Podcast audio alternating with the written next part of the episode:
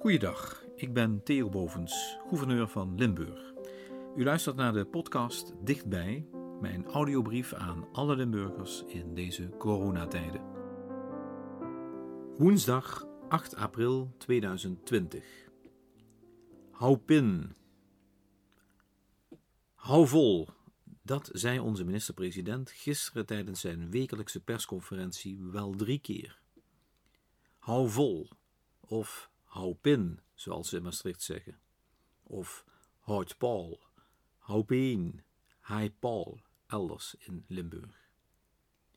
Overal zie je deze gevleugelde uitdrukking nu terugkomen. Het staat op posters, het hangt achter de ramen, mensen sluiten er hun Facebook-berichten mee af, er worden t-shirts mee bedrukt. Een grote overheidsorganisatie in Limburg stuurde zelfs aan alle nu thuiswerkende medewerkers een hou-pin-kaart om de moed erin te houden.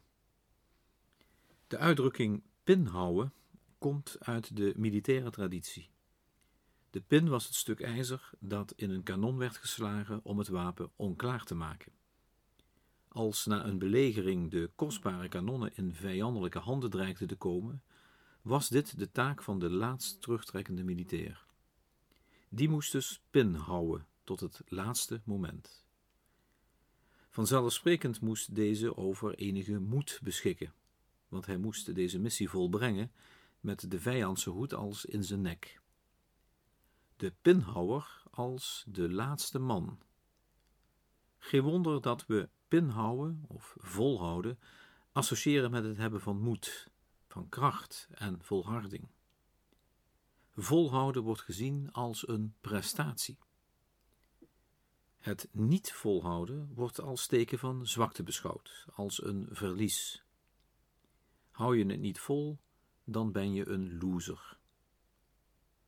Vandaag stop ik met de actie Ik Pas, een landelijke campagne die oproept om 40 dagen geen druppel alcohol te nuttigen, te beginnen op Aswoensdag. Als u goed kunt tellen, merkt u nu op dat ik pas na 43 dagen stop. Die drie dagen extra heb ik moeten toevoegen omdat ik drie keer, verspreid over drie dagen, toch een glas alcohol heb gedronken. Ik heb dus geen veertig dagen aan één stuk pin gehouden. Al voel ik mij geen loser, want op die drie momenten was het even te lastig om het te vermijden. Maar toch, een beetje heeft de prestatie in mijn ogen toch aan glans verloren.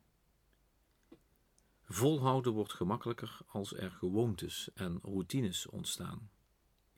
Sommige mensen die nu gedwongen thuiswerken, beginnen bijvoorbeeld aan de routine van videovergaderen te wennen.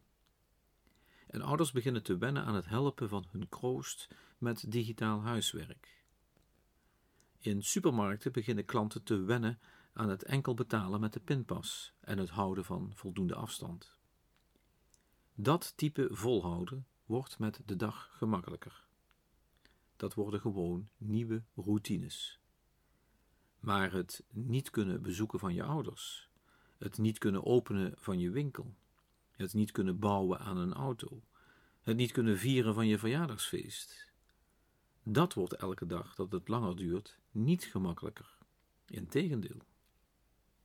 Daarom heb ik grote bewondering voor al die mensen die volhouden volhouden met activiteiten, bezigheden en taken die niet normaal zijn, die niet normaal worden en naar ik hoop nooit normaal mogen worden. Met grote achting kijk ik naar de Limburgers die het in hun beroep, in hun vrijwilligerswerk, in hun taak als mantelzorger, elke keer opnieuw, ook soms met enige angst, volhouden. Mensen die met grote pliksbestrachting en verantwoordelijkheidsbesef onze samenleving draaiende houden. Ik zal doorgaan om dagelijks die waardering te uiten. Ik zal volhouden met het u toewensen dat u volhoudt. Hou vol, hou pin, stay strong, houd Paul, hou peen, of in welke taal of dialect u het ook wilt horen. We doen het immers om de meest kwetsbaren te behoeden.